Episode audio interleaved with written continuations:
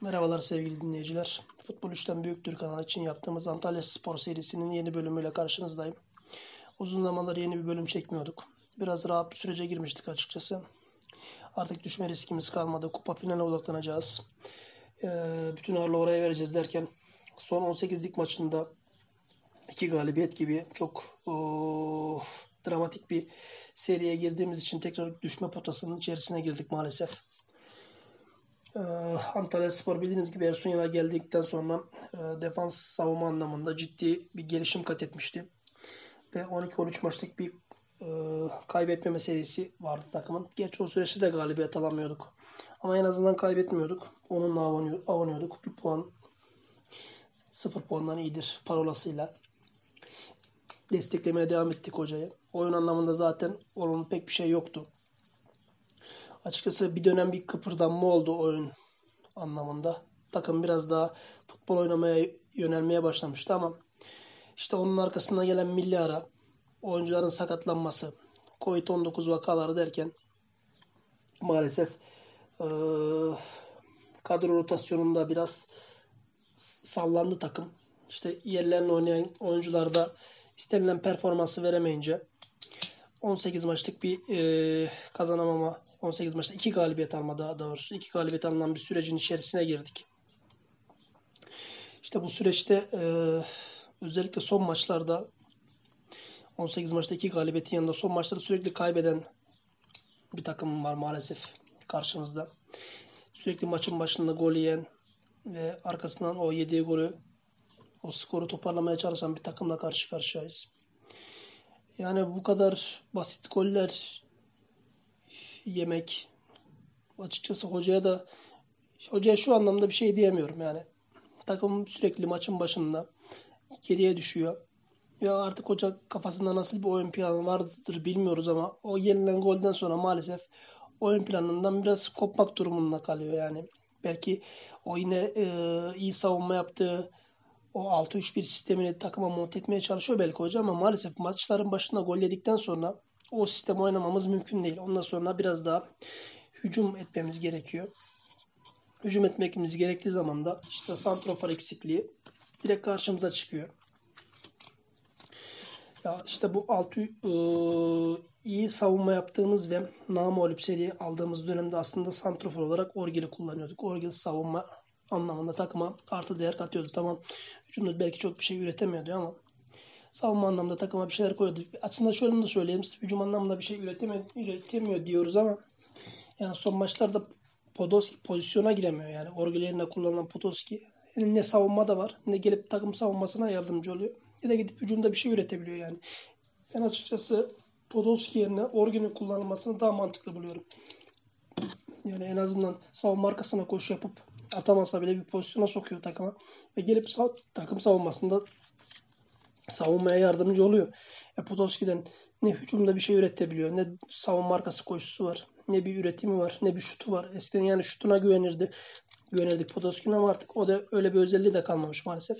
Ne hücumda bir şey üretebiliyor, ne gelip savunmada takıma yardım ediyor. Yani Podolski şu süreçte alınan kötü ma mağlubiyet, alınan şu mağlubiyetlerin, girilen bu kötü sürecin esas sorumlularından biri olarak ben Podolski'yi görüyorum açıkçası.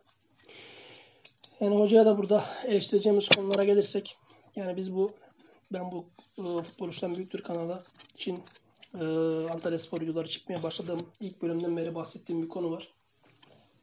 Maalesef hoca elinde 12 13 kişilik, 14 kişilik kadroyu sürekli kullanıyor ve bunun içerisinde yeni oyuncular dahil etmiyor diyenden bahsetmiştik. Ve bu kadronun çok yaşlı olduğundan yani bunların bir süre sonra pilinin biteceğinden daha önceki yayınlarda sık sık bahsettim. Ve dediğimiz gibi oldu. Belki bunların pilinin bitmesi e, beklediğimizden farklı oldu. Ne oldu? İşte Covid-19 oldu. İşte sakatlıklar oldu vesaire oldu. Ve sonuçta sen bu oyuncular yerine alternatif oyuncuları kullanmak durumunda kaldın. Ama sen o kadar uzun süredir bu alternatifteki oyuncuları kullanmadın ki futboldan o kadar uzakta tuttun ki bunları. Yani son bir 30 Serdar Gürler benim bildiğim kadarıyla Ocak ayından beri takımla birlikte çalışıyor. Ama yani 30 dakika oynadığı maç yoktu. Sen bu adamı direkt 11 oynatmak zorunda kaldın. Attın direkt 11'e. İşte o 40. dakikada sakatlanıp çıktı. Sürekli aynı şeyler yaşandı. İşte bakıyoruz Serdar Güller, Bahadır Durur. Bu adamlar 3 aydır, 4 aydır takımla birlikte çalışıyorlar. Ama 2 hafta, 3 hafta oynamak durumunda kaldılar. Hepsi ballarını tutarak sahayı terk etmek zorunda. Sakatlanarak ondan çıkmak durumunda kaldı. Yani burada hem sağlık ekibi kendini sorgulamalı hem teknik ekip biz bu adamları neden e, iyi gidilen dönemde takıma monte edemedik? Yani bu adamlar en azından bir 20 dakika, 30 dakika, 40 dakika süre verip bunları hazırlayamadık diye kendini bir sorgulaması gerekiyor. Yani sen 13-14 tane oyuncuyla 40 maçlık bir serüveni götürmen ihtimalin yok. İlla ki takıma bu oyunculara monte etmen gerekiyordu. Yani iyi gidilirken, takım iyi giderken bu oyunculara daha fazla süre verip bunlara takımın içine sokman gerekirken işte yaşanan olumsuzluklar nedeniyle bir anda 11 atmak zorunda kaldım bu adamları. E sonucunda işte hem istediğim performans alamadın hem de adamları sakatlamak durumunda kaldım. Yani ben şu yaşanan sakatları direkt teknik ekip ve sağlık ekibine yüklüyorum yani. Yap, yapılan bence büyük bir tecrübesizlik. Yani ben e, Ersun Yanal'ın daha önce verdiği yayınları falan dinlemiştim. Yayınlar, katıldığı yayınlarda verdiği röportajları dinlemiştim. Orada işte biz e, oyuncuları performans açısından çok iyi değerlendiriyoruz. Kesinlikle sakatlanmamalar yönünde e, çok iyi analizler yapıyoruz. İşte biz olsaydık şurada o sakatlık olmazdı, biz olsaydık burada bu sakatlık olmazdı gibi bir sürü yorumunu gördüm. E, şu an Antalya Spor'un gelen yaşadığı duruma bakıyorum. Yani e, adile sakatlığı yaşamış 3 oyuncu Bahadır, Serdar ve Drol 2 hafta içerisinde aynı bölgelerinden sakatlanarak oyunu terk etmek durumunda kaldılar. Yani bunun emperiyizm, bunun lahana turşusu demek istiyorum.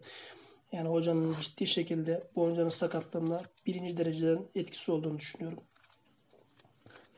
Ya açıkçası oyuna giren oyuncuların da oynatmak zorunluluktan oynayan oyuncuların performanslarını da şöyle bir değerlendirmek gerekirse işte kimler oynadı?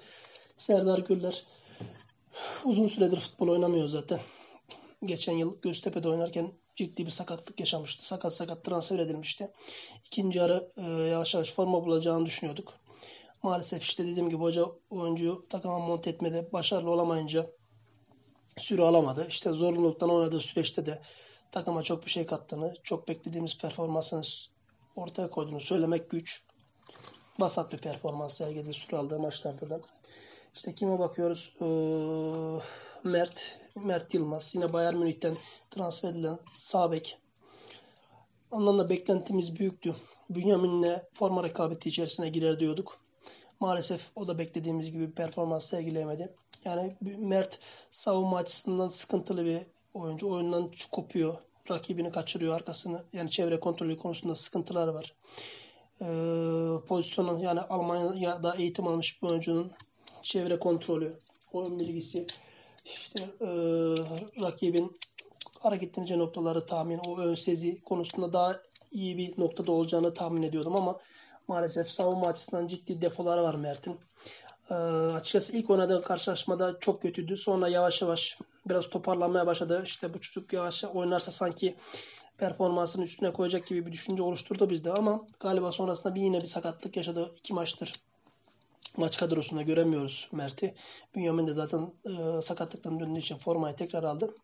Ama işte Mert sakatlamasa belki Bünyamin merkezde kullanılıp Mert sağ bekte kullanılabilir. Çünkü merkezde de ciddi problemler yaşadık son karşılaşmalarda. Ama Mert'in ben forma e, kaparsa biraz süre alırsa böyle arka arkaya bir 5-6 maç oynarsa e, performansının üstüne koyacağını düşünüyorum. O potansiyel açıkçası Mert'te var. Yavaş yavaş performansını yükseltiyordu. Yine diğer oyun, genç oyunculardan Ali Eren. Ali Eren e, İyican Ankara Spor'dan transfer edildi. Sol bek. Onun da forma rekabeti içerisine gireceğini düşünüyorduk. İşte Kudryashov, ah, Eren Albayrak, Ali Eren üçlüsünün sol bek için e, rekabet edeceğini düşünüyorduk ama maalesef Ali Eren Yiğcan şans bulmakta zorlandı belli bir de sakatlık yaşadığı bir dönem vardı. Uzun süre sakat kaldı. Yaklaşık galiba bir, bir iki aylık bir sakatlık süreci oldu. Belki daha fazla. Aslında Aleren'den e, bizim gördüğümüz Aleren ofansif açıdan yine Mert gibi ofansif açıdan iyi bir oyuncu. Yani e, ileri çıkışlar ileri çıkışları iyi yapan bir bek. Takıma hücuma katılan bir bek. Ama savunmada problemleri olan bir bek olarak düşünüyorduk. Ama yani süre aldığı maçlarda bunun tam aksi bir performans gördüm açıkçası. Daha çok savunmada kalan, hücuma çıkma konusunda biraz tedirgin. Ama e, savunmada da belli bir e, seviyenin üzerinde oynayan bir Ali Eren gördüm. Ama ben açıkçası Ali Eren'den beklentim biraz daha fazlaydı. Onu da çok beğenmedim açıkçası ve işte Ali Eren mi Mert mi dersen biri sağ bek biri sol bek. Ben Mert'in e, performansını açıkçası daha e, olumlu buluyorum Ali Eren'den. Yani Ali Eren'in hücum anlamında biraz daha etkili olmasını beklerdim. Belki biraz tedirginlikten de yaşanmış olabilir bu durum ama yani biraz daha hücum anlamında cesur olmasını beklerdim. Ee, süre alan oyunculardan yine kime bakacağız? Ufuk'a bakalım. Ufuk Ufuk da e, Karagümrük'ten 2 yıl önce transfer edilen 2-3 yıl önce transfer ettiğimiz bir oyuncu. İlk sezonunda e, oldukça iyi süreler aldı. E, ciddi bir potansiyel olduğunu herkese gösterdi. E, çok iyi bir sezon geçirmişti. İşte geçen yıl sezon başında yine Bülent Korkmaz da belli bir noktada süre aldı. Daha sonrasında işte teknik direktör değişiklikleri vesaire derken biraz takımdan uzak kalmıştı ama sezon sonuna doğru tekrar formayı kapmıştı Taner, Tamer Tuna'dan ve e, yine performansını yükseltmişti. Yine bize ışık vermişti. Ama maalesef bu sezon aslında biraz ufa da güvenildi. Bence orta saha transferi yapılmadı. Orta saha e, sınırlı oyuncuyla lige başlandı. Bunun ana etkenlerinden biri de ufa güvenilmesiydi. Ufuk'un sezon başında yaşadığı sakatlık e, sonrasında işte o geçmiş yıllardaki performansını gösterememesinden dolayı hem takım olarak orta sahada ciddi sorunlar yaşadık. Hem de işte Ufuk döndükten sonra bakıyoruz ki yani yani Ufuk kendisine e, güvenenleri biraz mahcup etmiş gibi gözüküyor. Performansı biraz e, soru işaretleri doğuruyor. Yani seneye bu takımda olsun mu olmasın mı diye sorsalar bana. Yani bir kafamda soru işaretleri aslında sezon başı sorsalardı bana bir soruyu Ufuk işte süre alır. Ufuk uzun vadede bu takımın e, ana rotasyonuna girecek kaliteli bir oyuncu derdim ama maalesef şu son maçlarda, son dönemde performansı ciddi anlamda vasat. Ufuk da yine bu süreçte e, zorunluluktan forma şansı bulan ama beklenene veremeyen oyunculardan. İşte İmeri ufak tefek şans buldu. Aslında İmeri sağ açık mevkinde oynayan bir oyuncu ama e, hoca onu sağ bekle değerlendirmişti bugüne kadar. Son maçlarda bir sağ açık e, olarak kullandı. Yani İmeri de biraz oynadığında yani tedirgin, heyecanlı olduğunu düşünüyorum. Aslında kumaşı fena olmayan bir oyuncu bence İmeri. Ama e, işte bulduğu pozisyonlarda o vuruş yapan mesela Gökdeniz'deki özgüven, Gökdeniz'deki o e, cesaret, o doğru noktalara koşu topla oynama konusundaki becerisi maalesef İmeri'de göremedik. İmeri biraz daha böyle zayıf, fiziksel olarak da zayıf bir oyuncu olarak gözüktü gözümüze. Ee, ama eğer çalışırsa ondan da uzun vadede yararlanılabilecek oyuncular arasında düşünüyorum. Yani önümüzdeki sene kiraya verilebilir. PTT'de vesaire de fiziğini özellikle geliştirip sonrasında değerlendirebileceğimiz bir oyuncu olabilir.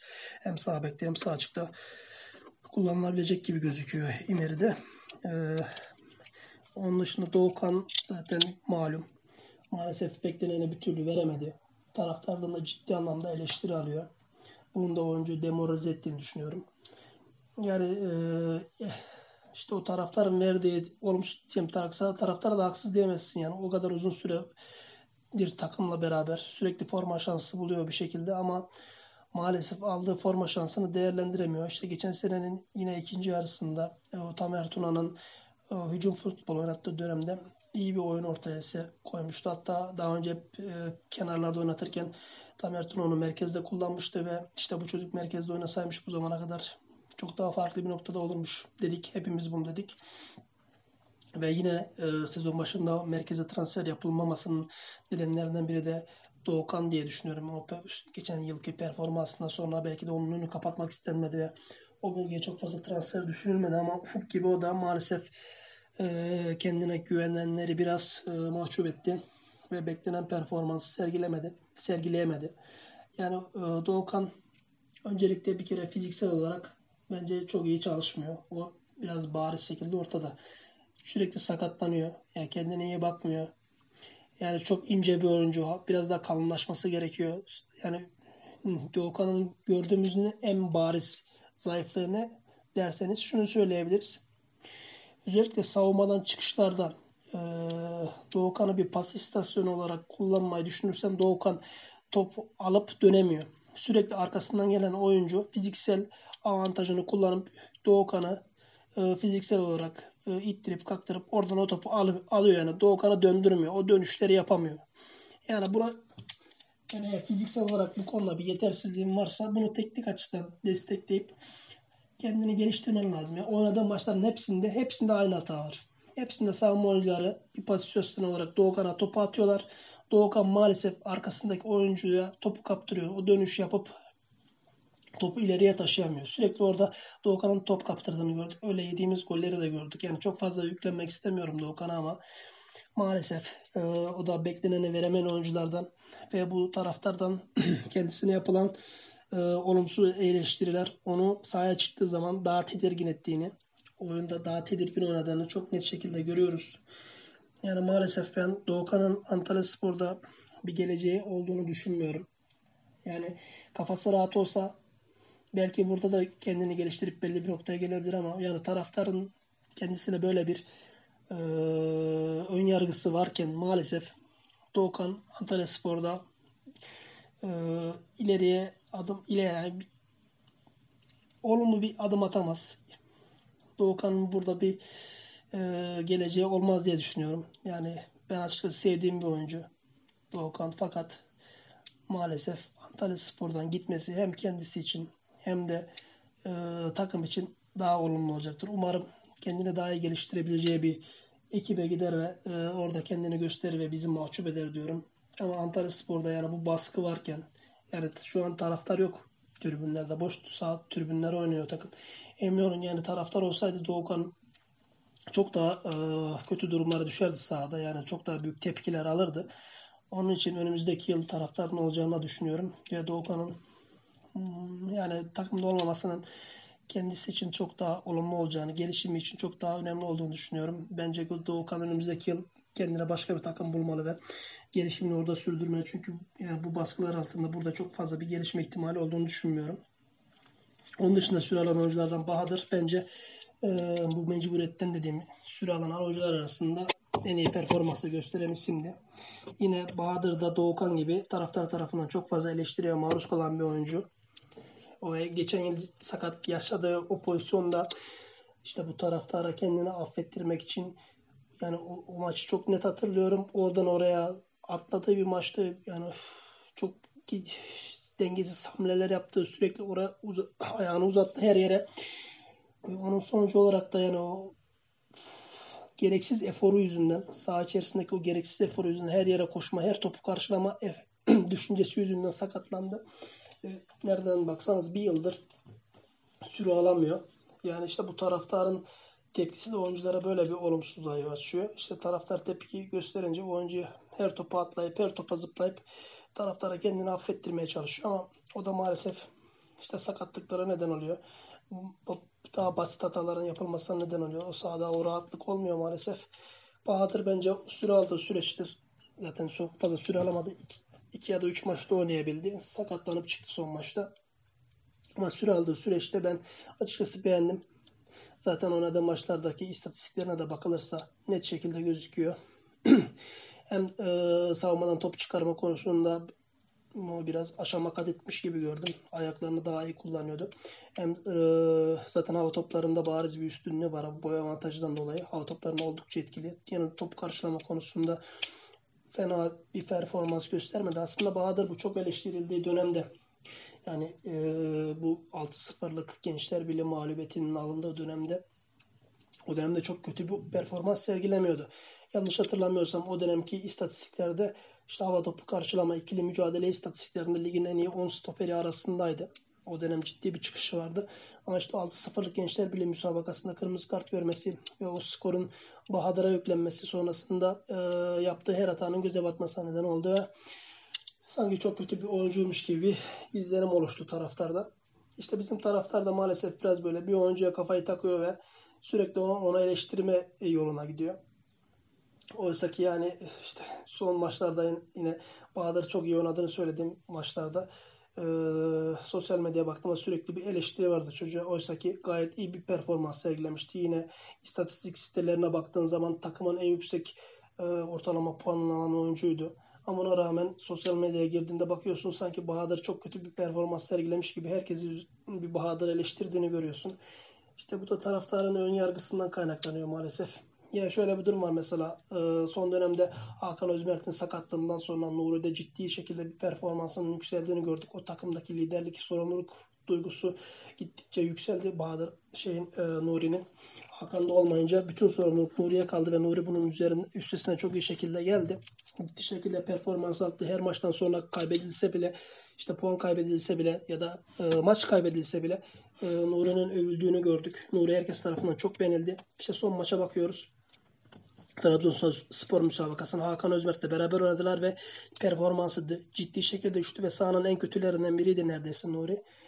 Yani bunda hem Hakan Özmert'in e, Nuri'nin alanını kapatması yani işte oradaki sorumluluk ikisi arasında paylaştırıldığı zaman maalesef Hakan öne çıkma duygusuyla Nuri'nin yapması gereken işlere biraz e, müdahale ediyor ve bu Nuri'nin performansını ciddi şekilde düşürüyor. Hakan'ın son müsabakada hem kendi çok kötü oynadı hem Nuri'nin performansını sıfırladı. Yani yenilen golde Abdülkadir'e yaptığı bir asist var.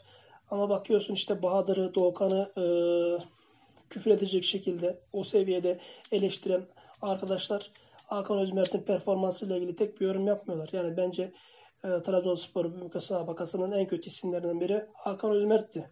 Hem kendi çok kötüydü hem yanında oynadığı e, Nuri'nin performansını sıfırladı yani. Ama bu, bu ismi eleştirilmiyor. İşte Bahadır, Doğukan gibi çocuklar sürekli yaptığı her hatada eleştiriliyor. Bu da taraftarın ön yargısından kaynaklanıyor. Yani bu taraftarın bu ön yargısını değiştirmek mümkün değil. Türkiye'de bütün kulüplerde benzer durum var. Bütün kulüplerinde taraftarın kafası kafayı taktığı 2-3 oyuncu var ve onlar e, maalesef çok süper bir çok harika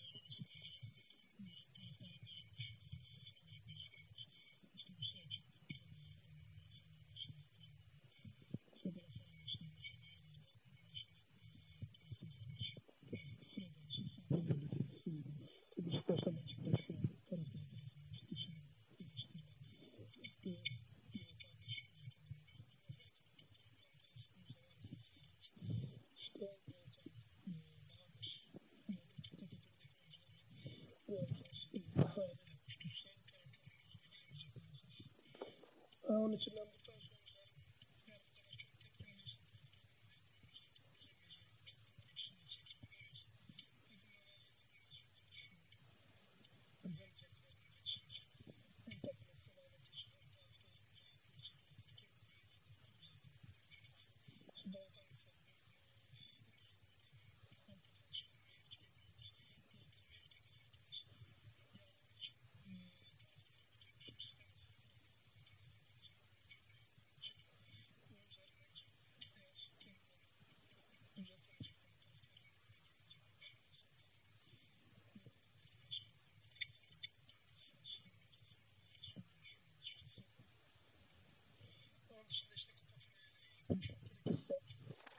Finali öncesinde oynanacak bir Konya Spor maçı var. Hafta içinde alınan sonuçlardan sonra eğer Konya Spor maçına rahat çıkma şansımız olursa orada yedekteki oyuncuların oynatılıp e, Beşiktaş maçına daha dinç şekilde hazırlanması gerektiğini düşünüyorum. Oyuncuların zaten e, belli bir yaş ortalamasının üzerinde bir kadromuz var ve sezon başından beri e, aralıksız 90 dakika oynayan bir ekip bunlar. Ondan dolayı Beşiktaş maçına daha diri çıkabilmeleri için Konya Spor müsabakasında e, umarım düşme gibi bir e, risk altında çıkmayız ve orada yedek oyuncuları kullanırız. Beşiktaş maçına daha diri bir ekiple çıkarız. Ve e, Beşiktaş karşısında çünkü bizim zaten teknik olarak çok fazla bir şey ortaya koyma şansımız yok. Biz fiziksel mücadeleyle Beşiktaş'ı durdurabiliriz. İşte Beşiktaş'ın da son kaybettiği puan kaybından sonra Galatasaray karşısında kaybetmesinden sonra e, Kupa Lig'deki şampiyonluk durumunun biraz riske girmesi, riske demeyelim de yani en azından garantileyememesi nedeniyle son maça kadar umarım onların da bu e, şampiyonluk mücadelesi sürer ve kupa maçına biraz daha yorgun, biraz daha yıpranmış şekilde çıkarlar. Bu da bizim için bir avantaj olur. Biz de fiziksel anlamda e, oyuncularımızı dinlendirip çıkabilirsek fiziksel gücümüzle en azından Beşiktaş'ı e, durdurup skor alma konusunda avantaj sağlarız diye umut ediyorum. Ama takımın son maçlardaki savunma performansı gerçekten rezalet durumda. Yani olmadık zamanlarda olmadık goller yiyoruz. Özellikle maçlara sürekli geride başlıyoruz. Sürekli maç başına bir gol yiyoruz. İşte skor alıp öne geçersek e, skoru rahat işte gösterme maçında öne geçtik maalesef sonrasında rahatlayacak kendimizi rahatlatacak skor bulamadık ve maçı kaybettik. Bunu yapamıyoruz zaten hücumda belli bir e, hücum setimiz yok. Ersun Yanal'dan biz gelirken beklentimiz işte e, hücumda belli setlerimiz olacak. Belli bir oyun planı dahilinde oynayacağız diye düşünüyorduk ama maalesef tamamen karambol oynuyoruz. Savunmadaki o e, savunma düzeninizi mağlubiyet serisiyle beraber bu kazanamama serisiyle beraber e, bozuldu. Savunmada da artık o beklenen performansı göremiyoruz. Maalesef kötü gidiyoruz. Umarım kupayı alarak e, bu ligdeki performansı unuturuz ve seneye e, daha iyi bir transferlere daha iyi bir sezona gireriz. Ersun Yanal'dan herkesin beklentisi çok büyük. Çok yüksek. Ben açıkçası çok fazla bir ben kendi adıma konuşuyorum. Çok fazla bir beklentim yok. Ama taraftar bütün Antalya sporlu arkadaşlarımızın %90'ı %95 Ersun Yanal'dan ciddi şekilde bir beklentisi var. Seneye Ersun Yanal'ın kendi transferleriyle beraber takımı çok iyi noktalara getireceğini, çok iyi bir futbol yöneteceğini düşünüyorlar. Ben bu arkadaşlara saygı duyuyorum. Umarım onların dediği gibi olur. Ben yanılırım. Ve e, Antalya sporumuz çok iyi noktalara gelir. İşte son giden teknik direktörlerin e, puan ortalamasını çıkardım.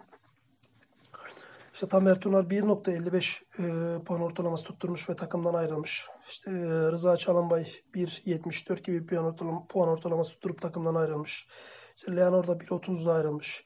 Bülent Korkmaz 1.35'te takımdan ayrılmış. Ersun Yanal'ın şu an e, puan ortalaması 1.36. Yani bu takımdan ayrılan hocaların bazılarından daha kötü, bazılarıyla işte Bülent Korkmaz'la hemen hemen aynı. Bir Leonor'dan bariz şekilde üstünlüğü var. Ama ona rağmen taraftarımızın e, Ersun Yanal'a ciddi bir güveni var. Hoca umarım bu taraftarın bu güvenini boşa çıkarmaz. Kupa finaliyle e, bizim tarihimizdeki ilk kupayı kazanmamızı sağlar ve seneye de e, kendi transferlerini yaparak takımı iyi noktalara taşır diyorum. Bütün beklentimiz, bütün umudumuz, bütün temennimiz bu. Umarım Antalya Spor için her şey çok iyi olur. Kupa maçından önce belki tekrar bir yayın yapabiliriz ya da kupadan sonra konuşuruz. Hepinize iyi günler arkadaşlar. Mutluluklar diliyorum.